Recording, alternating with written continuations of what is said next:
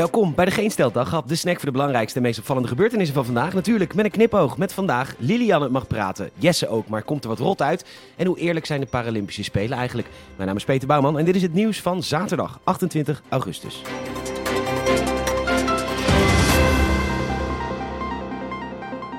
De leden hebben gesproken en de Volkskrant kopt dat Lilianne Ploemen met Rutte mag gaan praten. Lilianne, je bent zo braaf geweest, hè? Niet met die vreemde man te gaan praten. Maar goed dat je het even hebt gevraagd aan een volwassene. Het is inderdaad een beetje een vreemde meneer, maar volgens veel mensen wel een soort van betrouwbaar, I guess. Ga maar praten met die meneer. Oh, of wil je eerst even plassen? Ja hoor, dat mag. Daar is de plasketting. Ook bij GroenLinks is de kogel door de kerk. Ze mogen een linksblok gaan vormen met de P van de A. Maar of partijleiders Klaver en Ellemeet wel echt goed voor de dag gaan komen is maar de vraag. Met teksten als de samenwerking is nodig om de arrogantie van de macht te breken. CDA en VVD hebben weigerpolitici, zijn bang om over de inhoud te praten. Dat die mensen uiteindelijk nog een relatie hebben kunnen krijgen, joh. Ja, hey, hallo. Hey, ja, jemig. Ja, het is wel spannend zeg, hé. Hey? eerste date? Hij ziet er wel echt leuk uit. Ja, echt leuk hoor. Ja, lekker, wijntje. Ja. hey, um, je, ja, is misschien een beetje uh, lullig, maar je vraagt je misschien af waarom ik niet alleen ben gekomen. ja, ik snap dat het een beetje, een beetje vreemd klinkt, maar uh, nou, dit is Lilianne. Uh, en echt oprecht, we hebben echt geen relatie met elkaar hoor, maar wij vormen samen een soort van blok. Want heel eerlijk, je bent behoorlijk arrogant.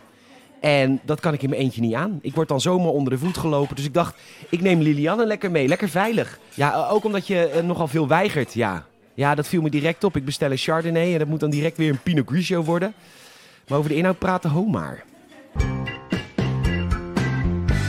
Een bizar verhaal vandaag in de Telegraaf over een Amerikaans echtpaar dat hun zo 25.000 euro schadevergoeding moet betalen voor het vernietigen van zijn pornocollectie.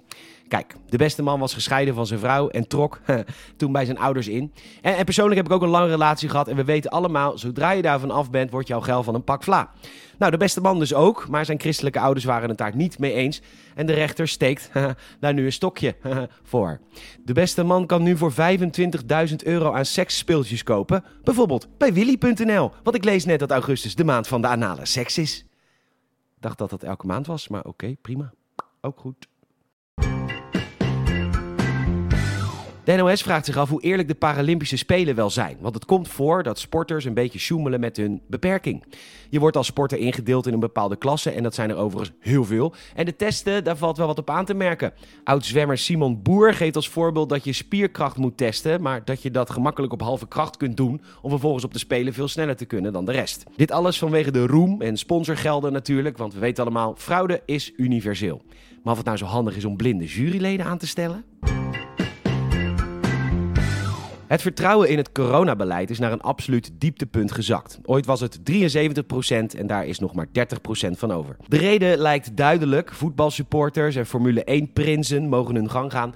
Evenementen mogen niet, mede omdat Hugo de Jonge dansen met Jans heeft aangeprezen en toen ging het mis. En nu moeten de organisatoren van evenementen boeten voor die fout.